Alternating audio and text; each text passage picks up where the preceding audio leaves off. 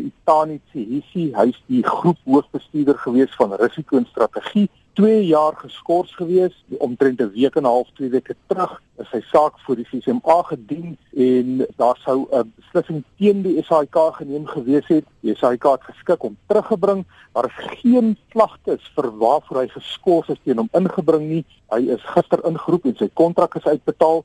Dan is daar meneer Tumiso Radebe, hy was die algemene bestuurder by procurement gewees. Hy was vir 10 maande geskort gewees. Daar was nie enkele klagte teen hom gevind in daardie 10 maande wat daar was verskeie forensiese ondersoeke teen hom gedoen.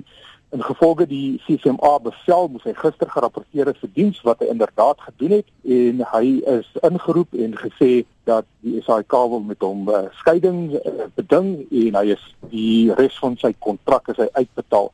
Dan is daar die algemene bestuurder van arbeidsverhoudinge mevrou Mandiwe en Nkosi. Ons weet dat sy byvoorbeeld persoonlik baie gekant was teen die afdanking van die 8 joernaliste en ook die proses wat die SAIK daar rondom gevolg het en daar is met haar onderhandel om haar kontrak uit te betaal. Ons glo vas die rede daarvoor is omdat sy in die pad gestaan het van billike arbeidsverhoudinge en praktyk by die SAIK.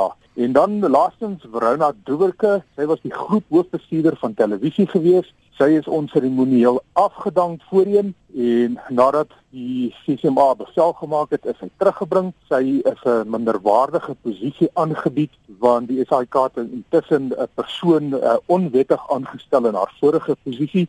Sy is ook gevra om te loop en daar is met haar 'n skeiingspakket bedink. Hierdie skeiingspakkette behoort die SAIK baie geld te kos. Wat dink jy? Hierdie is almal baie senior mense by die SAIK Na beraming is die minste per persoon min of meer 'n 3 kwart miljoen rand wat aan hierdie persone per persoon uitbetaal is. So dit is 'n geweldige klomp geld en besonder vir die SAK in 'n tyd waar hulle probeer om lenings te kry omdat hulle finansiëel sukkel. Hoekom dink jy is hierdie mense afgedank? Is daar 'n fout? Word die verkeerde mense in verkeerde posisies aangestel? Nee, glad nie. Hierdie is van die mees eerlike en hardwerkende persone wat ons ken. Ons glo hierdie mense word uit die stelsel uitgehaal in besonder omdat indien meneer Motsoeneng sou terugkom na die SAIK toe om seker te maak dat daar vir hom geen kompetisie is wanneer hy aansoek doen vir die pos as bedryfshoof van die SAIK nie. Daar is ook van hierdie mense wat direk betrokke was by prosesse waar hulle nie mee saamgestem het nie, soos van die procurement proses, die wêreldbeker rugby en en nog ander van die gevalle wat om prosesse in plek te kry om, om te sorg dat die SAIK voldoen aan hulle eie reëls en hulle procurement prosesse. Hierdie mense word gesien as om in die pad te staan daarvan en daarom glo ons is hulle verwyder. Wat jy sê is dat hierdie mense is omdat hulle bekwam en eerlik is, word hulle gesien as 'n struikelblok baie beslis meer Radebe byvoorbeeld het 'n beswaar gemaak teen kontrakte wat onregmatig gesluit was deur senior persone binne die SAIK en dit is die rede waarom hy en daar is ander mense by procurement wat nog steeds op skorsing is. Hulle het beswaar gemaak teen hierdie prosesse wat nie gevolg was nie. Hulle is die ouens wat gesê het, maar jy kan nie 'n 10 miljoen rand se purchase order skep as die bedrag wat moet betaal word net 8.25 miljoen rand is nie. En vir daardie pogings van hulle kant af om te sorg dat dinge reg gedoen word by die SAIK word daar van hulle ontslaag geraak. Wat gaan nou gebeur?